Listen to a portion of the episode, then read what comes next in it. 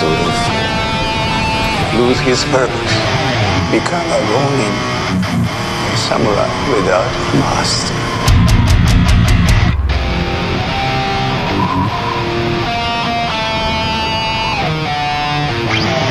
I can end the eternity. Make you immortal.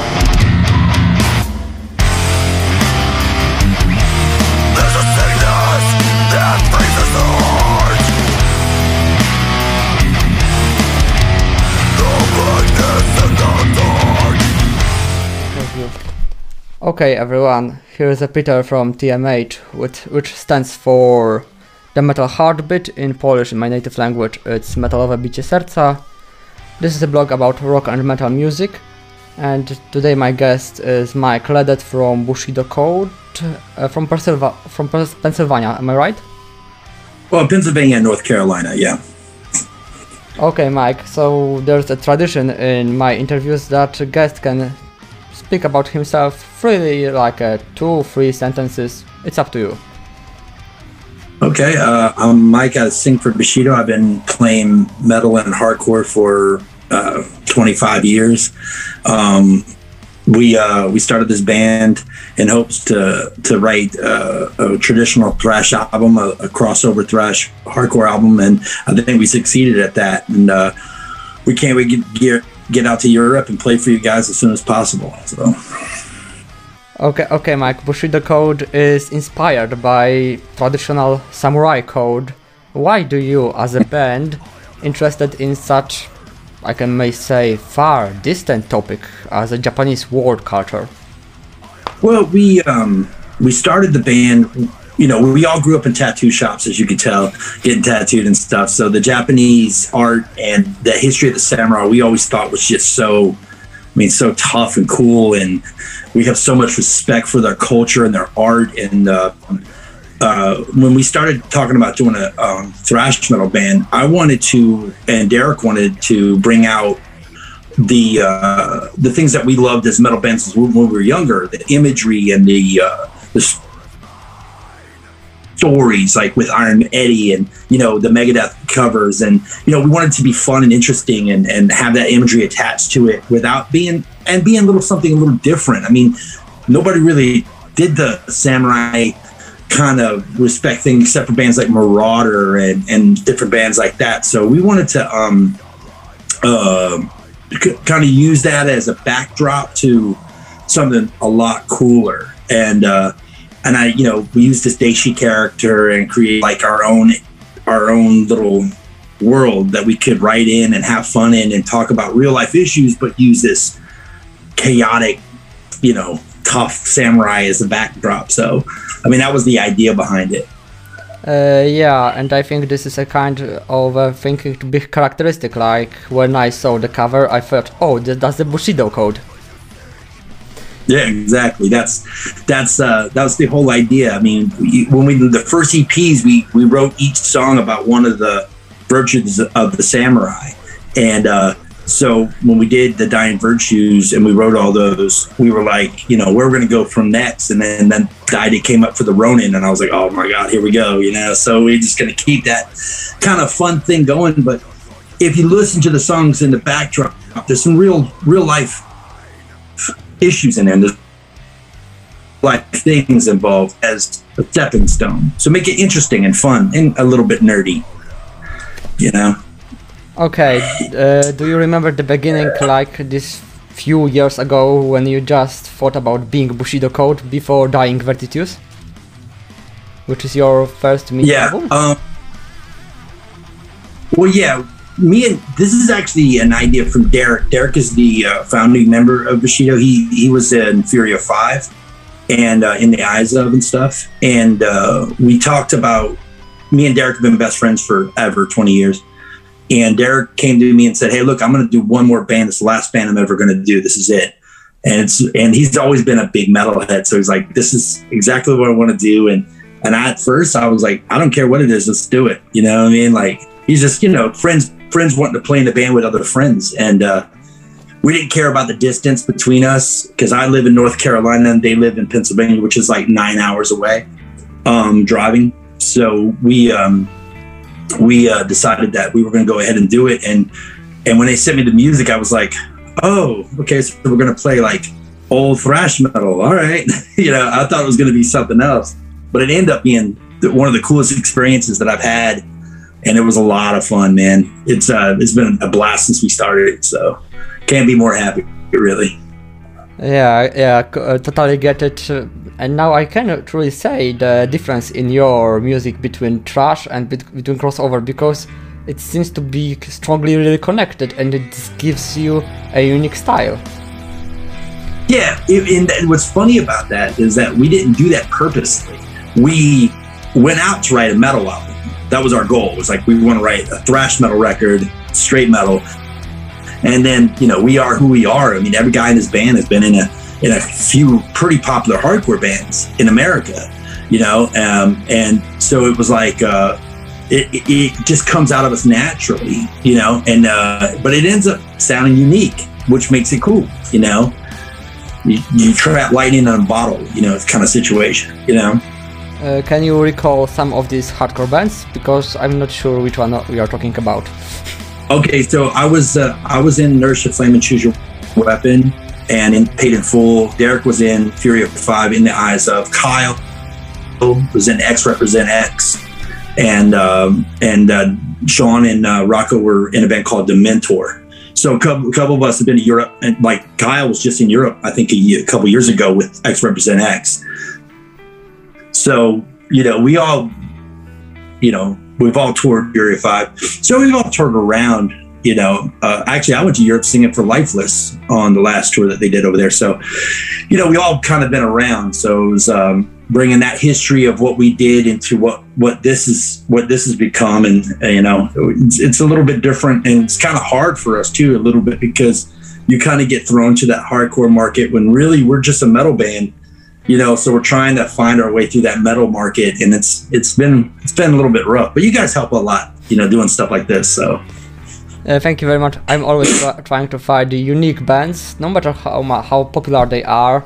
I'm just trying mm-hmm. to find unique music and every band has a story or, or, just a way of creating music. How do creating of music looks in bushido code? Like uh, like hey guys i've got a idea about the song and uh, the other members help to develop it or just you're making some kind of jamming session and it comes out? How does it look like in a bushido code? Oh well with uh, with us it's actually kind of unique. It's something a little bit different. Uh, derek writes a, a, bulk load of the, the songs musically. He writes uh, you know here's kind of like the song. Then he'll bring it to the guys and they'll kind of chip at it. And um, and then they'll send me the music and I write um, the majority lyrics. And Derek will pitch in and with ideas and stuff too. Um, but I came up with the storyline and he writes the music. And we run it back and forth. You know, we're constantly communicating, you know, hey, what do you think of this? What do you think of that? Um, but what's cool about Bushido, what makes it work is that there's not a lot of people, not a lot of guys in the band are trying to to step out and be like, I want to write this or I want to write that. It's a lot of everybody just does their job you know, like I, my job is to write lyrics and create the stories. So when they send me music, I try not to mess with uh, as much as possible. Try not to mess with the song itself. Okay, this is the song they gave me. Let me see what I can do to make this better. And that's kind of how the chemistry's worked so far. You know, I mean, Derek, like I said, writes 90% of the song, and then the rest of the guys will put in their input when they're jamming it, and then they'll record it, send it to me, and then me and Derek talk about the storyline. Like we're already talking about the new record. We're already talking about where we're going to go next. So that's pretty much the process. Okay, no, thank you very much. It's really interesting process. In every band, band it looks a little bit different. Uh, did you yeah. have an opportunity to play a lot of concerts or just a local tours? Well, we haven't. Uh, you know, when we put the record out, it was in the middle of COVID, uh, and uh, everything was locked down. So we just had a CD release for the record like five months. Uh, uh, five we released it five months ago. Our CD release was last weekend. So we just haven't had a chance. Things were looking like they were opening back up in America, but now it's kind of looking a little bit bleak again. Um, so we really haven't had a chance. The goal is to get out in December and do a small tour, and then you know, we signed with Stronger Booking in Europe, so we're hoping that we can get out to Europe next year. Uh, but we're just not sure yet. I mean, everything seems like it was getting better, and now it seems like it's getting worse. So we're going to do everything we can. That's our goal is to get to Europe because we feel like this will our band will do pretty well over there. Um, you guys uh, love metal, so we want to try to get out there and give you guys some good thrash metal. You know. Definitely the tra- thrash metal, metalcore, these so-called subgenres are really popular at, le- at least I think in Eastern Europe because we, we've got Yeah. bands like a Jinjer from Ukraine which is extremely popular here. It's so good, right? One of the best. Oh man, she's an incredible singer. She's in something else, man. I, uh, I uh, saw them in uh, once in Warsaw and they were, they were pretty amazing so I think that Bushido Code should be really war should have really warm welcome here in Eastern Europe. That's my hope, man. I can't wait to get over there and find out. Okay, now my personal uh, question for you. What do you think about this whole process of vaccination and vaccines against COVID 19? What is your opinion about it? Well, uh, you know, in America, it's so aggressively. Uh, it's gotten to the point here in America where it's like people are so left and so right on this. Like they're just like, um, I personally have, been vaccinated, but right, like as um, I personally vaccinated, but I know people who have been vaccinated and got sick.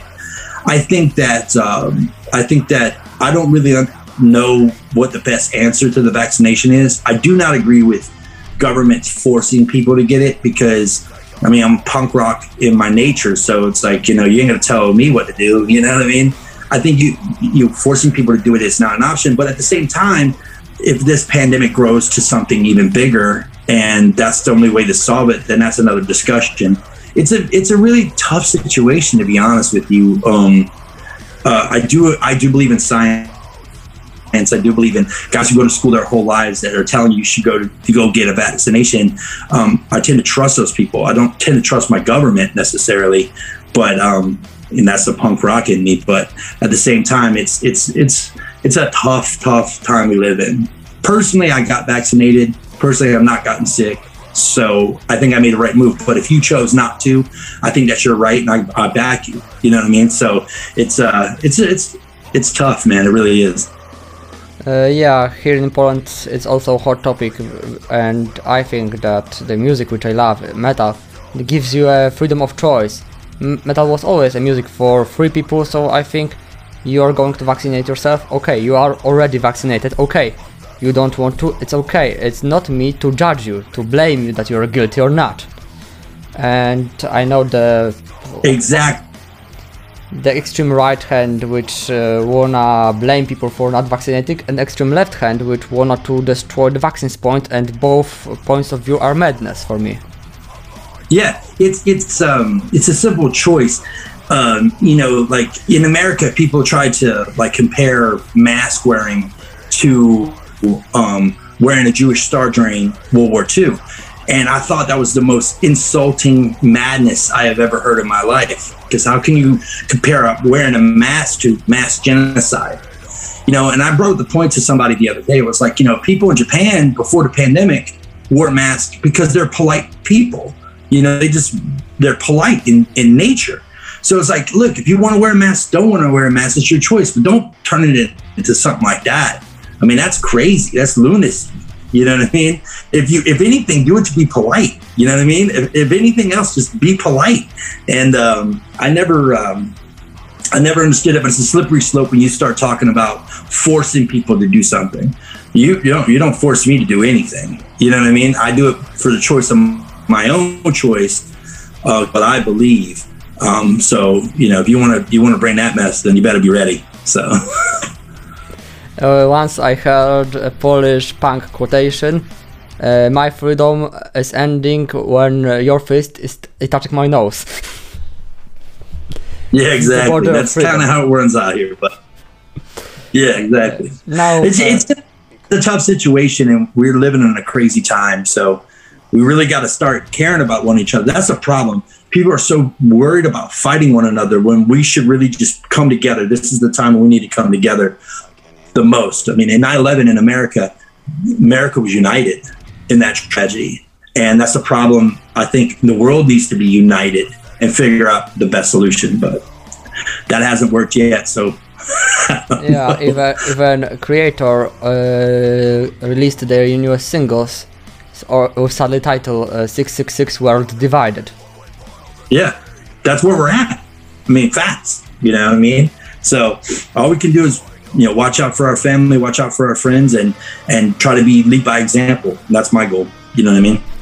Okay, uh, now Mike, slightly uh, lighter topic. Your favorite artist, who inspired you to start creating music, such as the Bushido Code and your earlier pro- uh, projects?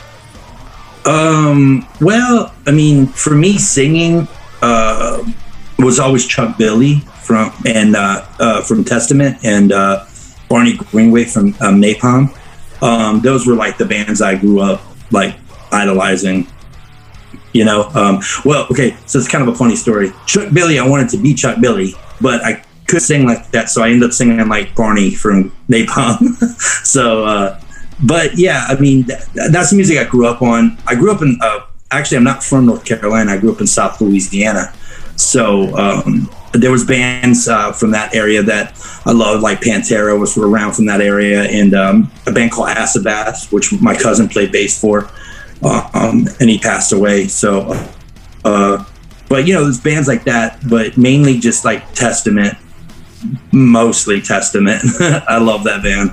Uh, yeah, I don't know if you've heard about festi- very popular festival in Poland, Poland Rock Festival, or uh, uh, called in the past Yeah, we're-. Uh, please uh, speak again because uh, I didn't hear you. Uh, I said, hopefully they'll let us play that one day. Yes, that's Okay. one of the festivals on my. Uh, and there's a legal uh, process against Polish Woodstock uh, uh, with American owners, but it was really kind of a fun that American Woodstock just split up and Poland Rock keep going. And the interesting thing that the last show before the pandemic, the big show on Poland Rock, which I saw, was was Testament, Chuck Billy. So good, bro. They're so good. Mean, you know, we, we have this big debate in America uh, with all my metal friends where it's like, you know, the big four, you know, Testament, Megadeth. I mean, I'm sorry, not Testament, Anthrax, Megadeth, Slayer, and Metallica. And I was like, it really should be the big five. You know what I mean? Because Testament, to me, uh, I mean, they have literally the best singer in metal, the best guitarist in metal, the best drummer in metal. I mean, to me, they're one of the best best bands of all time. But my friends all get mad at me when I say that, but I don't care. Uh, yeah, they've got one of the best musicians like Chuck Billy on vocals, uh, Alexander Skolnick on guitar, and Eric Peterson. Yeah, Eric Peterson's the best riff writer, rhythm guitarist out there. Alex, I don't even I don't even go there. But the, their drummer, their new drummer, um, he in Hoglan. I mean, come on, he's he's something else. It's my wife. Sorry. Okay, no problem. uh, so, uh, what are your plans as a Bushido code for uh, next few years? What are you planning Well, to do? I think our big plan is to try to get out there and support this record. I mean, we really, we really love this Ronin record. We feel like it really kind of, I mean, we couldn't be prouder of it. And, and I mean, I'm being honest when I say this. The years, the 20 years of me playing music, this is, I think, one of the best records I've ever put out. And I'm really excited, and I love this record. Um, but we're already working on something new. We want to get out there and play in the next year. We want to get to Europe if that's possible in the next uh, year or so. Um, but uh, we're also working on a cool idea for the new record, which is going to be some a little, if you believe it or not, maybe even a little bit darker than this record. So it's going to be, um, uh, we're going to do some. I'll give you a little insight. I think we're going to do an album about short stories. So it's going to be a little bit different. It's kind of like a s- storyteller kind of thing. It's going to be cool, I think. You know, Kind of a concept album. I don't want to give too much away. It's a kind kind of. A, They're all kind of concept albums. Yeah, they're all kind of like that. The Ronin was the new record's going to be like that. That's the idea. Is is create these like these novels. You know what I mean? It's I don't know. It's super nerdy, like I say, super metal nerdy. Okay, Mike. Uh, many outside persons who are who aren't listening to metal or who are just listening to heavy metal trash, which is not so extreme, uh, thought that uh, hardcore singers or hardcore singers with parts of death metal are just killing their throats. Are you killing your throat, or are you trying to practice and, pro- protect in some way your throat? Oh, I've been doing this forever, man. It's a really a technique. Um, you know, um, I practice constantly on it. That's why I have, um, uh, not like a lot of singers, I have a lot of range. I can go super high and super low because I've been developing that over years. You know, I don't even get hoarse really. I've been just doing it for such a long time. No, it's a technique. It's a real talent to it. Yeah, you're talking about that band Jinjer. Um, she she has one of the best screaming voices I've ever heard. I mean, but her singing voice is immaculate. I don't know how she does that, how she keeps that training. And then, uh, you know, because I've been trying to sing more on the new, like if you hear on 1600, me and Kyle, we try to sing on the record. And I'm going to be doing that a little bit more. But her voice is like an angel. And then she'll go, you know, just blast out these super death metal vocals. And I'm like, what is that? and it sounds amazing. So, um, yeah, it's a real technique to it, man. It's not clearing your throat, man. It's, you got to beat your throat up for five or six years before you can even try to do something like that. So, okay, so it is just like a clash, a clash of the two worlds. Like from one side you you've got a clean voice, and from the second side you are now rammed down by a metal yeah, fist. Yeah, exactly.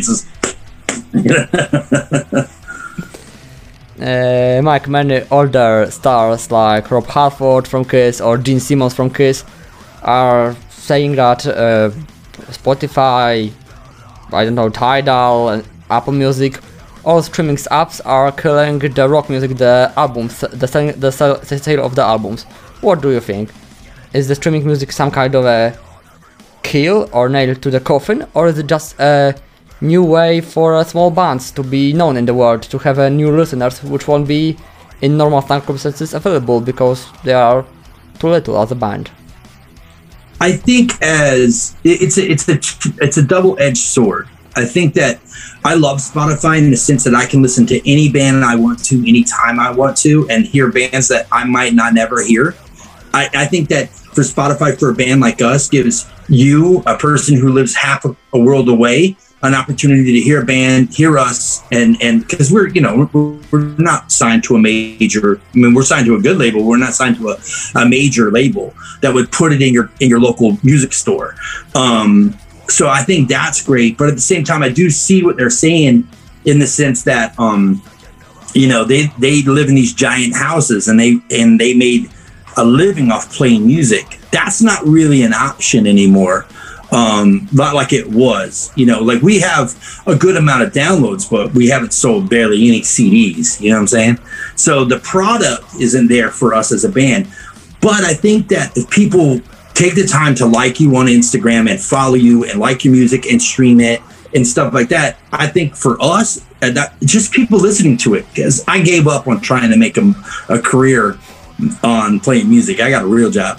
You know what I mean? But um, I love it so much, and I've dedicated and sacrificed a lot of my life to do it. So just to have an opportunity for a young guy like you to call me and say, "Hey, man, I really like your band. Could you get on my little podcast and do this with me?" I, I'm honored. It's exactly why I do it. You know what I mean? Because um, there's there's no money in it anymore. So it's about trying to get when you stretch all that away, then you're just putting out what you love and I think that that's what bands like Gene Simmons from Kiss is talking about was like he made a product to sell. We made something we love, and we're trying to get it out there.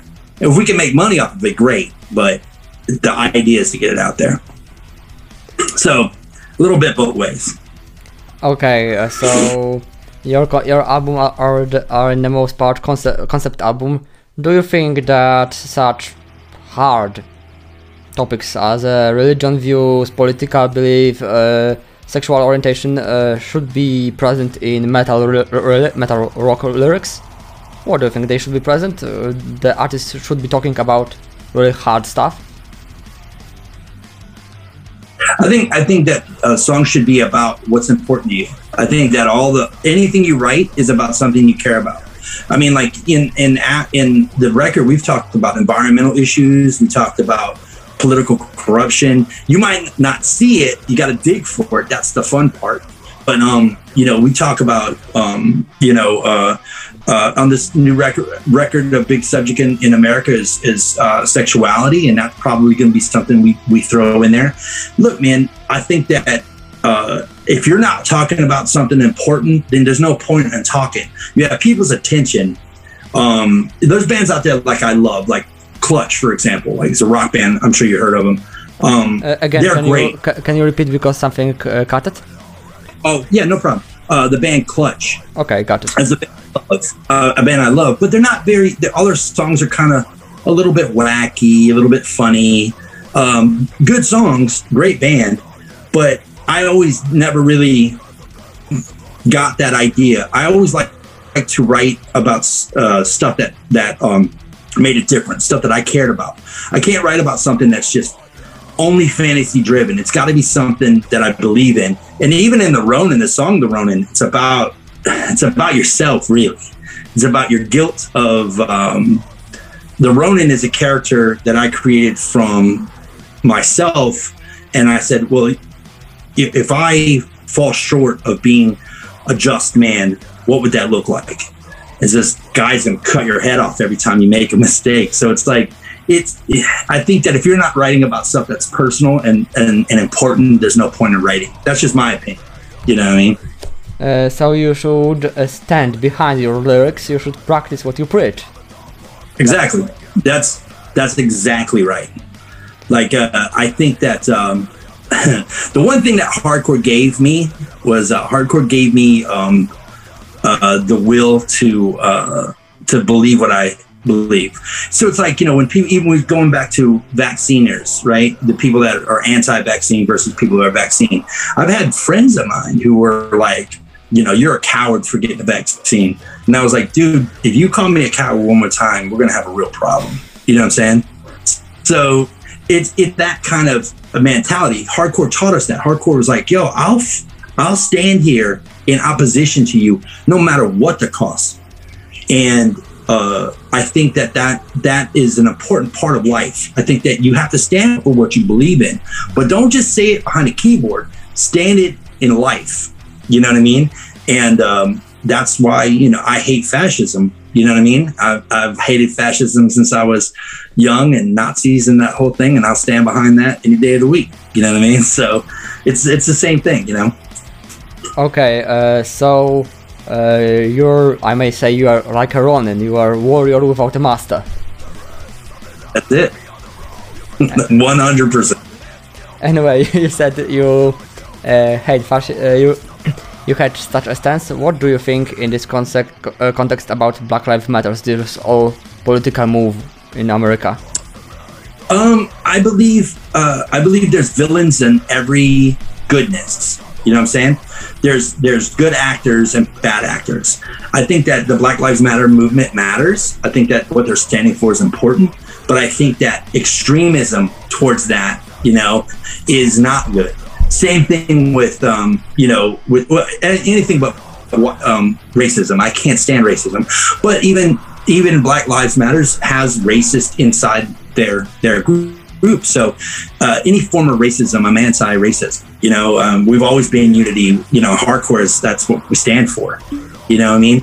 So my hardcore roots are the base of my life. I can't change that now. It's too I'm too old to too old to change that. So I believe in what they're what they stand for. The extremism in it, the racism in it, I don't agree with. Same thing. Um, you know, anybody else like we used to tell people all the time when when we were coming up, the Nazis were a problem in the South. You know, and uh, we we definitely had our time with them, but um, they believed in what they believed in. So you get a d- degree of respect, an inch of respect. The fact that they believed what they believed and they were willing to stand for it, even though we were not going to stand for it. So um, you get it, but at the same time, it's like, hey, believe what you want to believe, don't you dare try to pour your belief into my life if I don't want it. That's that's where the line's drawn, you know. Uh, there's uh, th- I heard a quotation one once which I really really like. It is good if your religion, your beliefs force you to do something, but it is worse if your religion is trying to influence on my life. It's trying to force exactly. me to do I something. think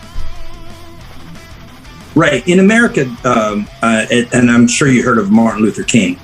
Um, yeah. uh, um, he's one of my favorite um, people of all time. And he had a speech uh, that went something like, "We must learn to live together as brothers, or we will perish together as fools." And I've always tried to live by that. It's like, look, man, we if we do this, things make sense. If we do this, it will never make sense. So, you know, we got to try to figure it out somehow. Uh, of course, and uh, metal taught me that diversity isn't something bad, it is something which is wonderful in this music, in this community rock, metal, punk, hardcore, grunge community.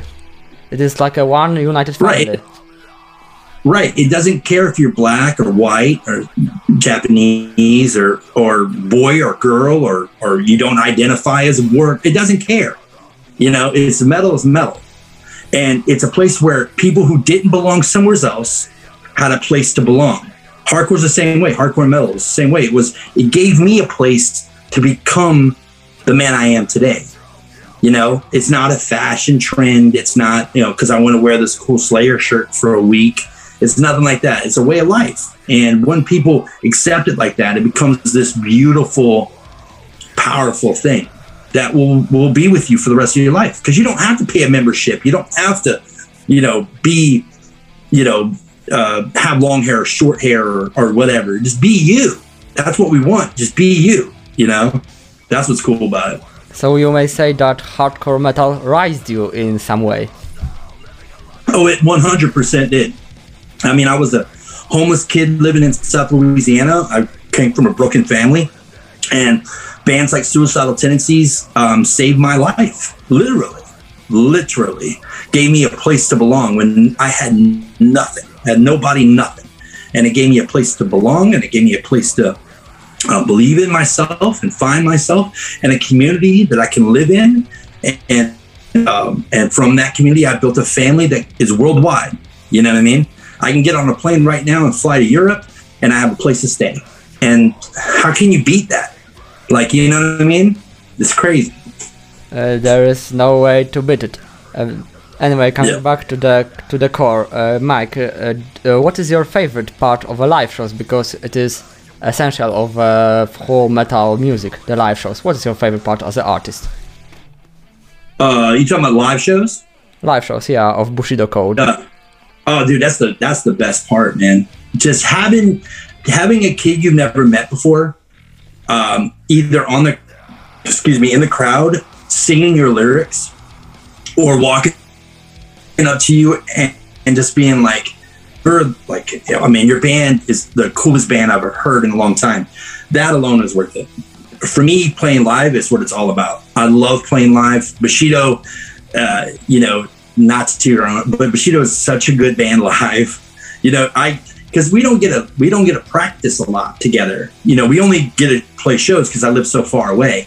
So when we do get together, it's like I heard the band for the first time. You know, so it's like oh, it's so cool. You know, you're not beating yourself up in a practice room. You know, playing these songs over and over and over again. So like when you see us live, I guarantee you we haven't practiced that set. You know what I mean? So, um, uh, so when, it, that's what makes it so cool for me because it's like every time I hear the band, I'm like, God, this band's so good. you know, I'm like the worst member in this band. Everybody in this band is so good. So it's like uh, it's kind of fun for us. It's almost like seeing your band for the first time every time. So it's it's a lot of fun, man. And it requires also discipline by yourself to practice every day. Do you know to, Yes. be, to be ready to this set? Oh, you wouldn't believe how bad these guys are on each other about that. Like my bass player Sean, he'll call me up like, "Are you practicing, man? What's up? You practicing?" You know, because he'll make me. He'll he'll call me all the time. He's the worst about it. But dude, that's what makes it work. That's what makes it work. Just because I'm 40 years old and I've been doing this for a long time doesn't doesn't mean anything. I still got to practice just like everybody else. You know. to don't get out of a shape you have to uh, how may i say improve your improve your skills over and over we're learning for the whole of our lives Yeah, exactly. You got to. You got to keep it pushing. Okay, so thank you very much, Mike. It was really uh, inspiring interview for me, and I think the same for goes for you. Thank for thank you for thanks all of you viewers and listeners. And now, as a traditional for me, I may say that our guest will say something for the end, just uh, any kind he sees to say goodbye. Well, I want to thank everybody for coming out and watching this. Hey, man, I want to thank you the most. Guys like you are the reason we do this, and we keep and keep our music spreading. Is you know from every person that that finds a time to, to take to talk to us, will always find time to uh, to take to talk to you.